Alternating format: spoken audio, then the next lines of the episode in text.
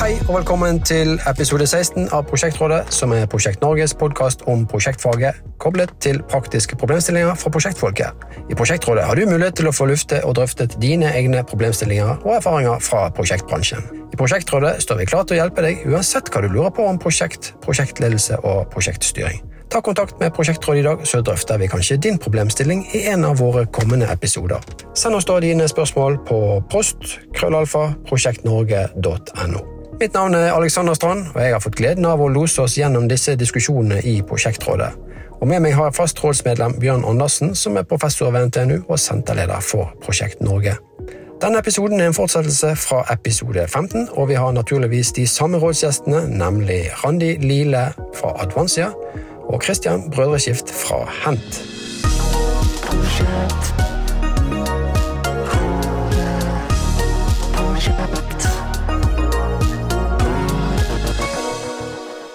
Yes, vi hopper videre vi til neste spørsmål.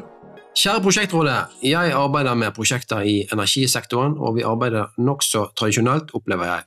Så hører jeg fra kollegaer på driftssiden som sier de bruker AI til å overvåke tilstanden til komponenter, forutse forbrukstopper osv. Er det noen som bruker AI i prosjektarbeid, og i så fall til hva? Og da kan jo jeg eh, skyte inn at vi hadde to episoder om AI Ja. eh, før, før denne innspillingen, så eh, innsender kan jo høre på de i hvert fall. Men eh, vet dere noe mer om AI? Du nevnte AI i sted, Kristian. Ja, eh, AI, eh, både Siri og chat GPT, har kommet for å bli, tror jeg, Ja. og snekke seg inn i livet vårt. Sånn at, eh, og det er jo bevisst i helsesektoren at eh, AI gir en større presisjon på undersøkelser enn det som vi greier med det blotte øyet, Bl.a. blant annet med røntgenbilder og sånt. Men, eh, men eh, AI det gir jo uante muligheter til å, å, å lage øh, Hvis du gjør en eh, riktig input, så kan du jo kjøre ulike scenarioer på å optimalisere, på å visualisere.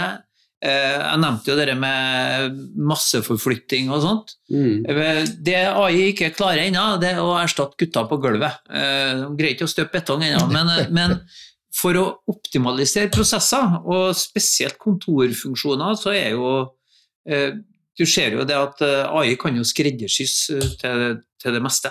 Mm. Og jeg ser ikke noe skummelt i det uten at det, det menneskelige aspektet får folk, til, men eh, det, det er laga for eh, Ikke for gutta på gulvet ennå, men, men eh, for prosessen så er AI et kjempegodt hjelpemiddel. Mm. Ja. Anja, har du vært borti noe AI i dine prosjekter? Ja, da, vi, vi bruker jo faktisk Consigli i Ja. prosjektet nå. Ja. Blant annet, eh, vi bruker Spacemaker, Ja. vi, vi bruker måling av eh, ikke sant, hvordan folk beveger seg i bygget skal vi ta i bruk. Eh, Så, så vi, eh, vi prøver å fortløpende jobbe med det her. Og så syns jeg egentlig det er litt interessant, for det henger litt sammen med det forrige spørsmålet. Ja. Ikke sant? For Ja. jeg tror Og jeg syns jo det her er kjempespennende. Altså, hvem, altså no, vi så jo verdien av Spacemaker når det ble, ble solgt. Mm. Altså, nå er det mange som jobber parallelt med hvordan skal, hvordan skal programmene utvikle seg videre. Jeg har også vært borti Grasshopper. Eh, Det er jo, et, eh, et, eh, det er jo litt mer sånn hvor du legger inn komponenter, og vinduene skal så og så mye dagslys. Det er jo også et AI-program, egentlig. Okay. Mm. Eh, og det kommer veldig mye nå. Mm. Alle må forholde seg til det fremover. Men greier vi å utnytte? Igjen, hvordan skal vi samhandle? Hvordan skal vi få det her til å henge sammen? Hvilken verdi skaper det? Er det en? Alle disse tingene du nevner, kontor? Man, Det er masse tanker nå rundt hvordan vi skal bruke det. Vi kommer til å forholde oss Det kommer til å komme inn på alle, i alle sidene. Og, og jeg tenker igjen så handler det liksom litt om hvem får du med deg inn i prosjektet? Tør du å ta kontakt med noen som kanskje er utenfor byggebransjen? Kan de lære oss noen ting? Tør vi å ta i bruk eh, de nye firmaene, sånn som eh, Consigli, som eh, kontrollerer kontraktene våre? Det, er- det er uante muligheter, og så er det jo igjen noen prosjekter kan ha mulighet, kanskje langvarige prosjekter, større prosjekter kan ligge, være i lid på det. Nei, Mm. det, det er i gang, det er der overalt. Det er i gang, og det vil bli mer, det er helt sikkert. Så hørte vi jo de som har hørt på de forrige episodene, om Janne Aas Jacobsen sa jo litt med ulempene òg, at du har automatisert prosjektering, f.eks., så får du ikke forsikra mot prosjekteringsfeil Mm, som en ja. maskin har gjort, og sånt, så det er nok ting som må gå seg til på, Mm. på regulatoriske sider osv. Men at det brukes til masse og kommer til å brukes til mer, det er jo helt klart. Vi nevnte jo noen eksempler. altså det at du kunne, Dette med sånne språkmodeller, så du kan bruke det til å fylle ut anbudsdokumenter eller Ja. å skrive ut anbudsdokumenter. og Så må du kanskje kontrollere det i ettertid, men likevel mye av bulkjobben er gjort. Og, Men utfordringa også der, det er jo at vi på en måte eh, Vi er opptatt av å dele informasjon eh, og, og åpenhet. Eh, Så at vi ikke, det blir ulike siloer. Da. At, eh, at eh, hvert firma eller hver mann har sin egen silo. Vi, må- vi må åpne opp hvis byggebransjen eller bransjen vår skal bli bedre. Så må vi dele eh, informasjon og, og verktøy på en annen måte enn vi gjør i dag. Mm. Men Eh, så er det vel også en utfordring at det koster penger å lage disse verktøyene og utvikle de, og hvis det er algoritmer som skal trene, så må du ha masse data og sånt. Og det, så noen gjør jo en investeringsutviklingskostnad i det, og som de neppe har lyst til å bare gi bort gratis etterpå. Så, så det er nok en fare for at dette også vil utvikle seg i, i litt sånn isolerte øyer, og ikke alt som vil snakke sammen og, og sånt. Men, eh, Ja, og så er det, jo- er det jo sånn at eh, det menneskelige aspektet på Skal du stole på outputen? For at eh, hvis du har feil input eh, i simuleringene, så risikerer du å få feil output òg. Sånn at eh, du må på en måte Det er, det er en sånn menneskelig kvalitetssikring da, som eh, Kanskje ser du ikke eh, feilen før det er for sent. Men samtidig, så du nevnte jo f.eks. i helsevesenet, altså det å, å analysere røntgenbilder, så er jo styrken der er jo at det finnes så uendelig mye dataunderlag, og datamaskinen er i stand til å prosessere så uendelig mye fortere enn haugene våre gjør. Og, og det er jo det man kan få til også i, i, i prosjekter. Vi hadde nettopp møte her med et firma som leverer programvare for prosjektplanlegging, og som ser muligheten for at det ligger uendelig mye data un- under, under og når en planlegger setter seg ned for å begynne å planlegge, og så tilordner du tre ukers varighet på en operasjon f.eks., Mm. så kan datamaskinen si at jo, men i snitt så har dette tatt fire og en halv uke, og det raskeste du har gjort det noen gang på er 2,8 uker. Er du sikker på at du skal sette tre uker på den her, f.eks.?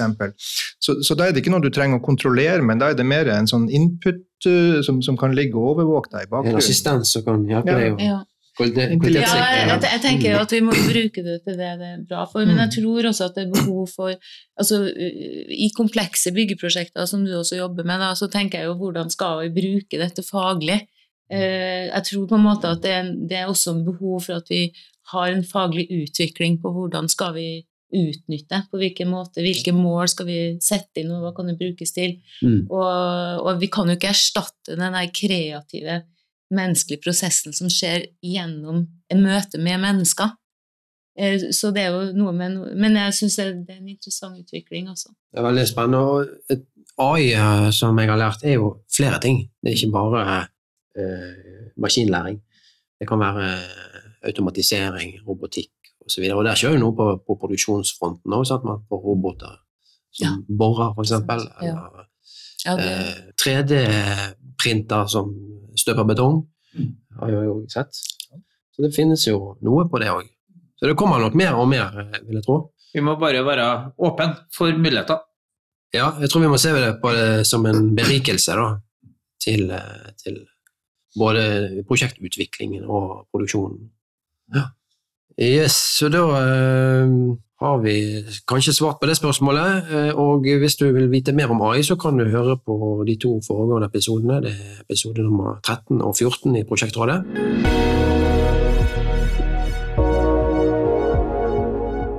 Yes, da går vi videre. Hei, Prosjektrådet. Jeg er fascinert av ledelsesfaget og ser at det er en del forskjeller i ledelse av midlertidige prosjekt kontra ledelse av firmaavdeling. Hva tenker dere er de viktigste forskjellene, og hvilke personlige egenskaper er bra å ha i de ulike rollene?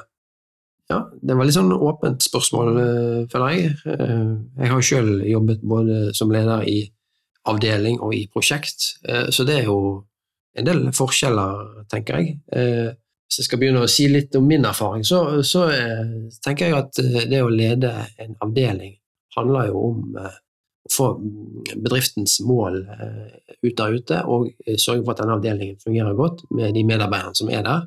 Eh, og da, når du er ute i et prosjekt, så blir jo prosjektmålene mye viktigere. Og så skal du kanskje lede en avdeling som skal levere inn i prosjektet. Og da skal du levere på begge dimensjoner. Du skal ha en bedrift som funker, som leverer på sine interne mål, og så skal du levere ut i prosjektene. Og det beste er jo da hvis du har mål som underbygger hverandre. Men eh, hva tenker dere? Er det noen forskjeller, sånn som dere kjenner til? Jeg tror at det menneskelige aspektet er kjempeviktig. Mm. Eh, Byggeprosjekt, eh, eller et prosjekt i seg sjøl, det har jo en kort varighet. Mm. Eh, og så skal du Den dynamikken i å bygge opp komplementære team, eh, også på en måte mellommenneskelige, gode team. Et, eh, en avdeling er mye mer statisk eh, enn en et prosjekt. Sånn at eh, byggebransjen er jo vant til å ha raske endringer eh, og nye team, og også på tvers av eh, både kultur, eh, økonomi eh, og mål, som du nevner, Aleksander. Mm. Sånn at det med å, å ha et prosjektmål er jo ve veldig bra, men vi, vi setter jo sammen eh, både prosjektering, produksjon og med underentreprenører, med, med rådgivere, med arkitekter, med ulike byggere. Sånn at det, det, den dynamikken med at det er raske endringer, det er vel den største forskjellen, tror jeg. Mm. Eh, Ja, nei, jeg syns dette er noe vi snakker litt for lite om Ja. i byggebransjen. Um, vi ser jo at eh, prosjektene er noen ganger mer langvarige enn eh, ansettelsesforholdet til en medarbeider i en bedrift. Altså man jobber kanskje på et prosjekt i sju år, mens man er ansatt i en bedrift i tre. Eh, og jeg tror faktisk vi ser jo tendensene av at folk følger prosjektene Mm. eh, mer enn de følger firma. Så Mm. dette syns jeg er veldig viktig, og det kommer inn som mye viktigere nå når vi jobber med samspillsprosjekter. For jeg, tenk, jeg syns også gjennom de siste par årene hvor man har eh, begynt å, å se effektene av samspill, så begynner man å snakke endelig om ledelse Mm. i byggeprosjektet. Ja. Og jeg ser at eh, spesielt de som er på byggherresida, har en enorm betydning for hvordan de som er i det byggeprosjektet, lykkes. Mm. Det handler veldig mye om eh, hvordan du behandler folk, Mm. rett og slett. Og de folkene som er i byggeprosjektet, de er der veldig ofte fulltid. Eh, en stor entreprenør har jo ofte egne folk som kanskje du tar med deg inn i team, men for veldig mange av eh, oss andre i byggebransjen så blir man eh, ansatt på bakgrunn av én CV, 30 års erfaring, ingen mulighet til å bygge team. Mm. Eh, Så det å bygge team, eh, tenker jeg er muligheten å bygge team er viktig, og jeg tenker det er jeg tror vi er nødt til å snakke om dette. Vi er nødt til å snakke om hvordan vi har det i byggeprosjektene. Mm. Eh, Fordi vi vil at folk skal eh, ha lyst til å lykkes, som vi snakka om i sted. ikke sant? Bli effektiv, jakte forbedringspotensialet. Da, da må vi snakke litt om hvordan får vi til dette. Mm. Men dette er jo noe som er forska veldig mye på. Hva er forskjellen på ledelse av temporære foretak, altså prosjekter, og det stabile? Og noen ting som pekes på, selvfølgelig avhengig av både størrelse og varighet og kompleksitet på prosjektet. Men én ting er at det å lede et prosjekt er normalt Du har normalt et større helhetsansvar Mm. fordi at du har ansvar for planlegging, økonomi, anskaffelse, HR, HMS, kvalitet osv., som kanskje når du leder en avdeling eller en bedrift, ofte er liksom delegert på, på spesialister som har ansvar for, for dette. Det kan jo være i et prosjekt også. Mm.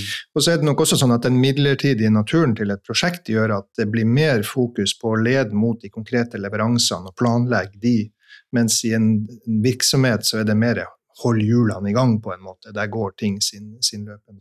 Og så er nok prosjektledelse også mer dynamisk i at du har en oppstart og en nedbemanning i andre enden, og det skal rekrutteres, og det skal anskaffes leverandører, og de skal liksom kna sammen til å jobbe sammen, mens i en avdeling bedrift, så er det selvfølgelig også avgang av ansettelser, men mye større stabilitet i arbeidsstokken og, og hvordan team og relasjoner utvikler seg. Så prosjektledelse er nok i, i stor grad mye tradisjonell ledelse, men i andre eller i tredje potens på et vis. For at Ja, alt blir er mer, alt blir mer intenst og over Ja. kort tid, og, og, og mer du skal sjonglere og sånt. Så jeg, jeg tror jo det er mer krevende ofte å være prosjektleder enn å være en eh, leder for en avdeling. Ja, godt poeng. Det er jo derfor det er så artig. Ja, ja. Eh, og så er det jo et ord som vi kanskje ikke bruker nok, det er lojalitet. Eh, lojalitet for prosjektet. Mm. Eh, for å, å bygge team, det handler jo også om å bygge eierskap, og at eh, de som er i teamet, er gjensidig lojale mot hverandre. Mm. Eh, og jeg har ikke opplevd at to prosjekter er, er like. Eh, Ethvert prosjekt er, er unikt. Mm. Eh, vi, har masse hjelpemidler, men det er å, å, finne ut hvor vi skal bruke de hjelpemidlene eh, som er viktige. Da. Så det er fascinerende lederskap i prosjekt. Ja, jeg vil jo si at det, altså spørsmålet her var jo hva er de viktigste forskjellene, men jeg tror kanskje det er ganske mange likheter jeg, mellom det å lede en avdeling å lede prosjekt. Mm. Og jeg kan huske tilbake til når jeg var ferdig på ingeniørskolen, så begynte jeg å jobbe som RIB, altså konstruksjonsingeniør, og drive med prosjekteringer og konstruksjoner og lage betongtegninger osv. Og jeg jobbet ute i prosjektene da, så opplevde jeg at det var lite fokus på planlegging, organisering, den mellommenneskelige dimensjonen. Det var veldig mye fokus på resultatet, som skal være der fremme en annen gang, den dagen prosjektet skal være ferdig. Det var fokuset. Og det gjorde at jeg følte meg litt sånn eh, ubekvem. Hva, hva skal jeg gjøre da? Hvordan ser prosessen ut? Hvordan skal vi gå fremover? Eh, hvem har ansvar og myndighet og roller eh, i dette her? Eh, og det var kanskje det som gjorde at jeg eh, jobbet bare to år som konstruksjonsingeniør, Ja. og så gikk videre på, ja, på ledelsesveien. Sant? Og har egentlig det er blitt min vei. Mm. Så jeg, jeg syns det er kjempespennende, Mm. eh, og helt enig med deg. Disse samspillsprosjektene gjør at man får ledelsesfaget mer inn i prosjektene på en, på en bedre måte. Og vi, vi skal ta vare på hverandre, og vi skal jobbe med felles mål, og vi skal ja, hele tiden eh, bygge kultur og, og fungere som et bedre team. da. Ja, og jeg, støtter deg veldig. Jeg jobba jo også som utøvende arkitekt et, eh, en fem års tid. Ja, ja. Eh, Har du samme erfaring? Gått inn i, i ledelsesfaget fordi jeg syns det er spennende, da. Mm. Eh, og jeg tenker også at gjennom det å være samlokalisert, gjennom det å tenke på, på ledelse i samspillsprosjektene, jobbe mot mål, jobbe mot forbedring, jobbe mot læring, så, så unngår vi også det der med at alle suboptimaliserer sin leveranse, Mm. som jeg tror kanskje vi har sett mye av tidligere. Ja. Eh, fordi man på en måte tenker det er min leveranse, jeg har Mm. levert, eh, krysser jeg Mm. av, og så er man ikke så opptatt av om den ved siden av seg har levert. Og, og også det her med at vi har i større grad begynt å jobbe med ICE-møter, vi har begynt å stå med integrert prosjektering, samtidig prosjektering, vi utvikler prisen samtidig som vi prosjekterer. Det tror jeg alle gjør at vi får en mye større sånn felles forståelse for at vi er inne i dette sammen. Mm. Jeg syns det er veldig, veldig bra. Og så har jeg en sak, og det er jo at nå må vi også sørge for at vi får lov, få inn noen juniorer her, for det kommer noen etter oss. Mm. Eh, Så, så det er jo hvordan jobber vi med, med opplæring av juniorer inn i et sånt system hvor vi bare etterspør senior-CV. Ja. Mm. Jeg har jo vært så frisk at jeg har jo spurt uh, GPT på om det er noe forskjell. Ja, ja, Og det er det. Ja. Uh, svaret da. Uh, de svarer egentlig at eh, Eller GPT svarer at eh, det er mm, ulikheter i ulike faser av prosjektet. Mm. Eh, For at du, du har eh, helt andre utfordringer i en utviklingsfase enn i en produksjonsfase. Sånn at eh, det, det vi har snakka om, eh, om nå, det svarer godt til den kunstige intelligensens svar. Men det var enda godt. Ja, da Da fikk vi en. KS på det. Ja, beklager, men eh, det var, var en Men parentes. Ja, ja, ja, men det er interessant, det, siden vi har snakket litt om AI òg, så uh, greit. Nei, men, ja. Men, men, men spørsmålsstiller spurte jo også litt om personlige egenskaper. Det har vi kanskje Mm. ikke berørt så, så mye. Men, men igjen, da, hvis man skal se på forskninga, så er det jo noen ting som pekes på der. Og det Ja. ene er nettopp det her sånn 360-graders perspektiv, altså evne til å se både alle interessentene i et prosjekt, men også alle de ulike liksom, ledelsesfagkomponentene som du gjerne må beherske. Det andre er at du gjerne være litt sånn allrounder når det gjelder erfaring. Jo mer eh, du har vært borti det, og da er det jo de her unge, unge hvordan gi de erfaring. Og det må vi jo. Vi må bare kaste de ut på litt, litt dypt vann og la de få prøve seg, sånn at de får denne. Og så er det ikke minst kommunikasjon. Mm. Kommunikasjonsevner over all forskning tilsier det. Men en liten interessant ting var at eh, et, noe som heter Construction Industry Institute i USA, som er et sånt stort forskningsmiljø i Texas på byggeprosjekter, vi spurte de gjennom all forskning hva var den viktigste ene ferdigheten som en prosjektleder måtte ha for å lykkes. Og da sier han Steven Mølva, som var leder der, empati. Oh, Ja. Empati. Og den, eh, den likte jeg å høre. Altså. Bra. Skal vi runde av med det, da? At eh, det er det man trenger, kanskje i begge roller. Empati.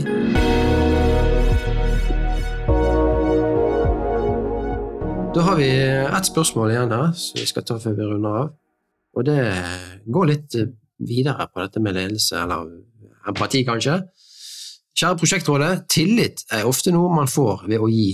Det vil si at det ofte lønner seg å ta utgangspunkt i at man kan ha tillit til at kollegaer, prosjektmedarbeidere kontraktsparter både ønsker og evner å bidra til felles måloppnåelse.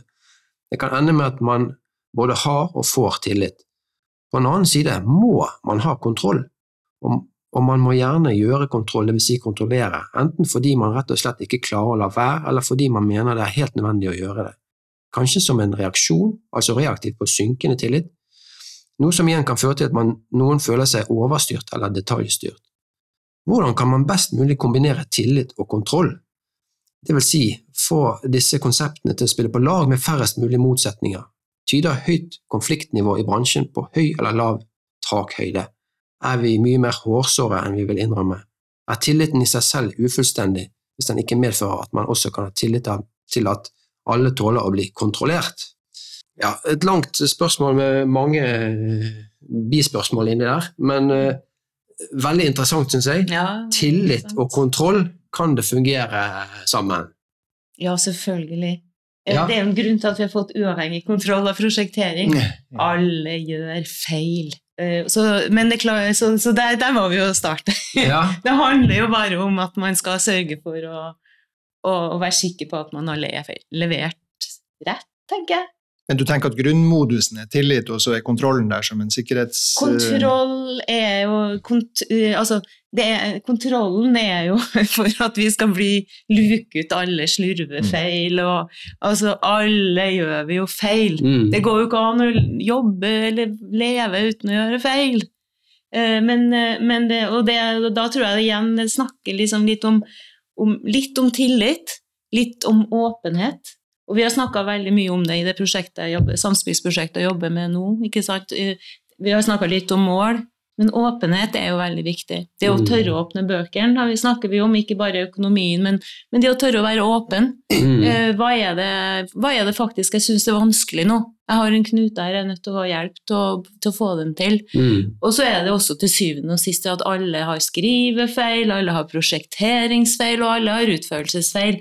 Det handler om å oppdage dem mens du holder på, og rette opp dem så det ikke, så det ikke blir noe mer kostnader. Og når, i hvert fall sånn som byggherre, da, så tenker jeg jo de befaringene og de tingene vi gjør, det handler jo veldig stor grad om å unngå konflikter Mm. når vi overtar bygget. Det handler om å si du, forresten, har du gjort det rett over himlingen nå? Og så tar vi en prat om det. Å ja, nei, den skal legges om litt. Og så mm. gjør man det, og så slipper man konflikter. Det er konfliktdempende, mener jeg egentlig, å kontrollere. Men så er det jo til det andre, som leder, så kan man jo selvfølgelig ikke gå inn og kontrollere alt. da handler det om delegering, Mm. tenker jeg. Eh, eh, Hører når du sier noe, så, så tenker jeg litt på at nå er det sånn kvalitetssikring. Sant? Det, det er viktig å sikre kvalitet. Eh, men så, så tenker jeg tilbake igjen til denne oppstarten min i bransjen, og så, så føler jeg at det var, det var kanskje mindre tillit den gangen til kontraktspartene mellom seg da, enn det er nå. Eh, kanskje. Det er i hvert fall en opplevelse jeg har fra den gangen. Eh, altså, er det riktig? Altså, Eh, er det sånn at man eh, var mer opptatt av å lure hverandre i gamle dager enn man er i dag? Åh, interessant. Ja. Nei, jeg tror eh, det du Bjørn sa i sted, det handler om kommunikasjon. Det er For at kontroll det er jo utgangspunktet et negativt ord. ja. Eh, du må gjøre, gjøre det til noe må gjøre det til en merverdi og, og, og til noe positivt. Sånn at eh, for at har du kontroll, så har du også bedre styring.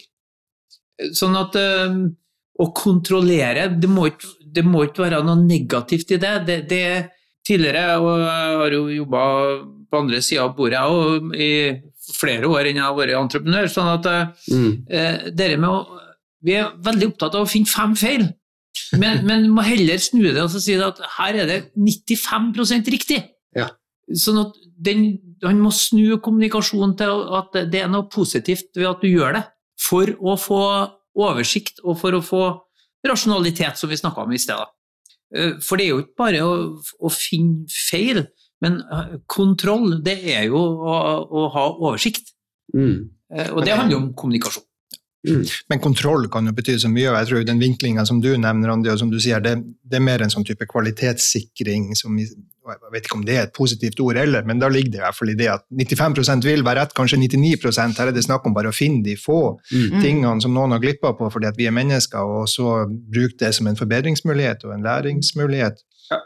Mens den, mer det man kan kanskje kalle kontroll der, før i verden så byggherren hadde fem mann på byggeplass som gikk og målte hver en millimeter armeringsjern og fulgte med osv. Kostbart og dyrt. Og, Mm. og, og definitivt et, bare en, en klar beskjed om at vi har ikke tillit. Vi tror at Mm. du som leverandør vil prøve å lure oss. Hvis, hvis du kan lure unna en meter armeringsjern i betongen her, så vil du gjøre det. og Derfor så må jeg søren meg stå og se på at den legges inni der.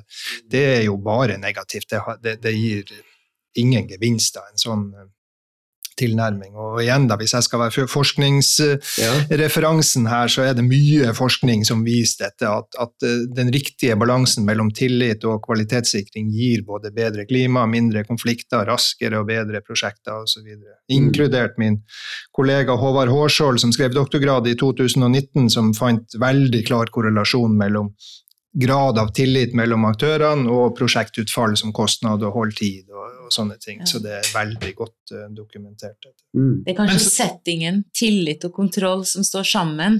Uh, og jeg er jo vant til at kontroll er, er bra, eller det er, fordi jeg tenker på det som kvalitetssikring. Men det som er litt interessant ifra, liksom, når jeg jobber som leder, Mm. det er jo litt den her å tørre å gi fra seg noe, og at en annen leverer noe annet enn det du selv ville levert. Mm. Ikke sant? Og, og det, det er liksom, hvis du Ja. gir fra deg en oppgave, så vil ikke vedkommende gjøre det på den måten Mm. som du selv kanskje ville ha gjort det. Så Mm. da tror jeg det handler mye også om ledelsesfaget. At vi som ledere i byggeprosjekt, og jeg ved meg sjøl nok, jeg også, så man får jo lyst til å gå inn i alle, alle mulige aspekter. Det å på en måte tørre å ikke gå inn i detaljene. Mm. Det tror jeg er viktig, for jeg tror ikke det er lederen som skal gå og gjøre alle disse kontrollene. Jeg tror kanskje det er bedre at det er den som kan akkurat det faget like godt som den som gjør det, som gjør det. Og da tror jeg det bygger større tillit. For da er det to fagpersoner som kontrollerer Ja, hverandre. for det spørsmålet jeg stiller litt inne på her, er jo dette at du kan miste tilliten sant? hvis du blir kontrollert veldig mye. Eh, At eh, Vi har sikkert alle hatt en leder eh, som har vært sånn veldig detaljfokusert og kontrollerer om du har gjort eh, sånn og sånn. Eh, Og da mister du egentlig både tillit begge veier, da. Så Og Ja, det, og det var jo, eh, koron, koronatida var jo eksempel på det, der folk satt hjemme. Lederen så ikke at folk faktisk satt og jobba. mm, Og, og en mistenksom, kontrollorientert leder vil typisk kjenne på at det her er skummelt. Nå kan jo en vedkommende Ja. sitte og se på TV eller drikke kaffe med kjerringa eller hva jeg gjør for noe, i stedet for å, for å jobbe. Jeg har jo ikke kontroll her. Ja. Mens en tillitsorientert leder vil tenke så lenge Ja. resultatene er der, og så stoler jeg på at vedkommende finner ut hvordan man best organiserer dagen sin og tida Mm. si. Ja, det, det handler jo om å stole på. Uh, og så handler det om åpenhet, tror jeg. At dess mer åpen uh, vi er til å dele, dess enklere er det å samspille eller å samarbeide. Og jeg syns jo det at vi har kommet veldig langt med nye kontraktsformer. Uh, for jeg jobber jo som fagdommer i tingretten. og har masse Det er jo rettspraksis på norsk standard. Eh, side opp og side ned hvordan du skal tolke de ulike setningene og hva som Mm. er med og ikke er med. Men hvis du, hvis du stoler på hverandre og har en åpen, eh, åpenhet i hvordan du har tolka det, så slipper du å havne i retten. Ja. For der er det stort sett bare advokatene som tjener penger. Mm. Og da er vi jo inne på Spørsmålsstilleren også lurer jo på dette med konfliktnivået, og kobla det til Mm. Det var litt snedig om, om høyt konfliktnivå tyder på høy eller lav takhøyde. Ja, det var- er interessant. Ja, litt fascinerende spørsmål. Ja. Men, men, men kanskje er det jo altså Hvis man skal trekke det langt, så kan det jo hende at man, man har vært litt vel naiv i noen sammenhenger og trodd Mm. det beste om eh, mot det som blir motpart etter hvert, og at det er derfor det faktisk kan bli konflikter. At man ikke har den kvalitetssikringa. Ja. Så oppdager du ikke feil tidlig nok, og så Mm. når det da oppdages, så, så er det så seint at det virkelig blir et problem, og da blir det en rettskonflikt, kanskje, i verste Men er det høyt konfliktnivå i bransjen? Nei, Jeg syns det er definisjonen av konflikt. Eh, Er det, hvor langt må du være uenig for at du er i en konflikt? Eh, For at eh, eh, uenighet, det, det, det skal, du skal du ha for at eh, du skal, du skal utvikle deg, og du skal utvikle prosjektet. og Hvis alle sammen er enige fra dag én, så blir det ikke noe godt prosjekt. Sånn at eh, eh, Uenighet er også et negativt ord, da, men, men vi må jo kunne løfte steinene uten at vi er, er i en konflikt. Men konflikt tyder kanskje på altså Da er det noe tvist eh, Da er det jo, da er det jo på norsk standard Ja, tvist, ja. skal jeg si. Nei, jeg, jeg tror jo konflikter ofte dukker opp hvis, eh, hvis man som bygger i hvert fall eh, opplever at den som utfører, ikke har kontroll. Mm. Altså at hvis, det, hvis de, de du jobber med, har tatt på seg for store oppgaver og er ikke åpen om det, Mm. eh, og det begynner å skje feil, eh, og man prøver å skjule at man ikke blir ferdig i tide, Mm. man prøver å skjule feilene sine. Det har jo vært mye av det i byggebransjen, jeg syns ikke vi skal glemme det. Ja. Eh, og, så, da, så det ligger jo så Det er nok sånn, litt det som kanskje ligger inni et sånt spørsmål også, ikke sant? Hvis man, som, Mm. hvis man har opplevd en, en byggherre som tar eh, masse kontroller, så skjer nok det i økende grad hvis man eh, ikke er åpen, og hvis man opplever at her er det mye rart nå også. Her, her skjer det ting. Ja. Uh, uten sånn så, så Men Hvis du ser på utviklingen av kontraktsmodeller og Mm. gjennomføringsmodeller, så, så jeg har jo det gått fra sånn som du beskrev i sted, med byggere styrt delte entrepriser og veldig mye kontroll Mm. eh, ute på armeringsgjerdene, Mm. til å bli mer eh, tillitsbaserte modeller, sant? med samspill og totalentreprise som eh, de, de store. Så det har vel blitt en utvikling. Eh, så kan man jo spørre har det gjort det bedre. Ikke sett ren statistikk på det, men vi har faktisk et stipendiat her i huset som begynte nylig, som skal se på konflikter og konfliktnivå. Ja. Jeg vet ikke hvor lett det er å finne helt statistikk, men jeg har, altså det er jo fortsatt rettssaker og tvisteoppgjør og sånt, det er det jo, men jeg har ikke inntrykk at det er noe som, som ligger som en sånn klam hånd over bransjen, ærlig talt. Nei, jeg syns ikke det heller. Jeg har jo jobba i tingretten siden 2007, så jeg, Mm. eh, nivået og type saker er ikke eh, eskalert, syns jeg. Bra. Men om eh, spørsmålet tillit eh, Kan tillit og kontroll eksistere sammen? Det svarer vi ja på. I den grad at kontroll her betyr mer er det liksom den positivt Ja. vinkla finne feil før de blir stort problem. Og da kan jeg skyte inn at jeg har akkurat spilt inn en podkast som heter Espen Solheim Kile i den andre prosjekteffektpodden, der vi snakket om gjennomføringsmodeller, og vi var litt inne på dette her. Eh, Og han sier ja, så lenge man har avtalt eh, hva man skal kontrollere på forhånd, så er det ikke noe problem. Sant? Men eh, hvis du kommer ut og plutselig skal gjøre sånn eh, granskning eller eh, revisjon, Ja. sant? da blir du litt sånn skeptisk. Sant? Men hvis du har Revisjon av KS-systemet, det er en klassiker. ja. Jo, jo, jeg, jeg tror byggebransjen er jo så, så kompleks, men jeg syns det er litt interessant at han nevner ordet er vi for hårsåre eh, eh, enn vi vil innrømme, og da tror jeg det handler veldig mye om eh, om man må starte med seg sjøl igjen, da. Ja, ja kanskje det. Ja. Ok, skal vi runde av den der, og eh, kanskje vi da skal runde av hele innspillingen. Vi er kommet til veis ende i denne, denne delen av Prosjektrådet. Takker våre rådsgjester Randi Lille fra Advansia og Christian Brødreskift fra Hent. Og ikke minst takk til deg, Bjørn Andersen. fra Prosjekt Norge og NTNU. Så takk alle sammen for at dere var med oss, så høres vi igjen i neste episode av Prosjektrådet. Takk til sammen. Takk det samme.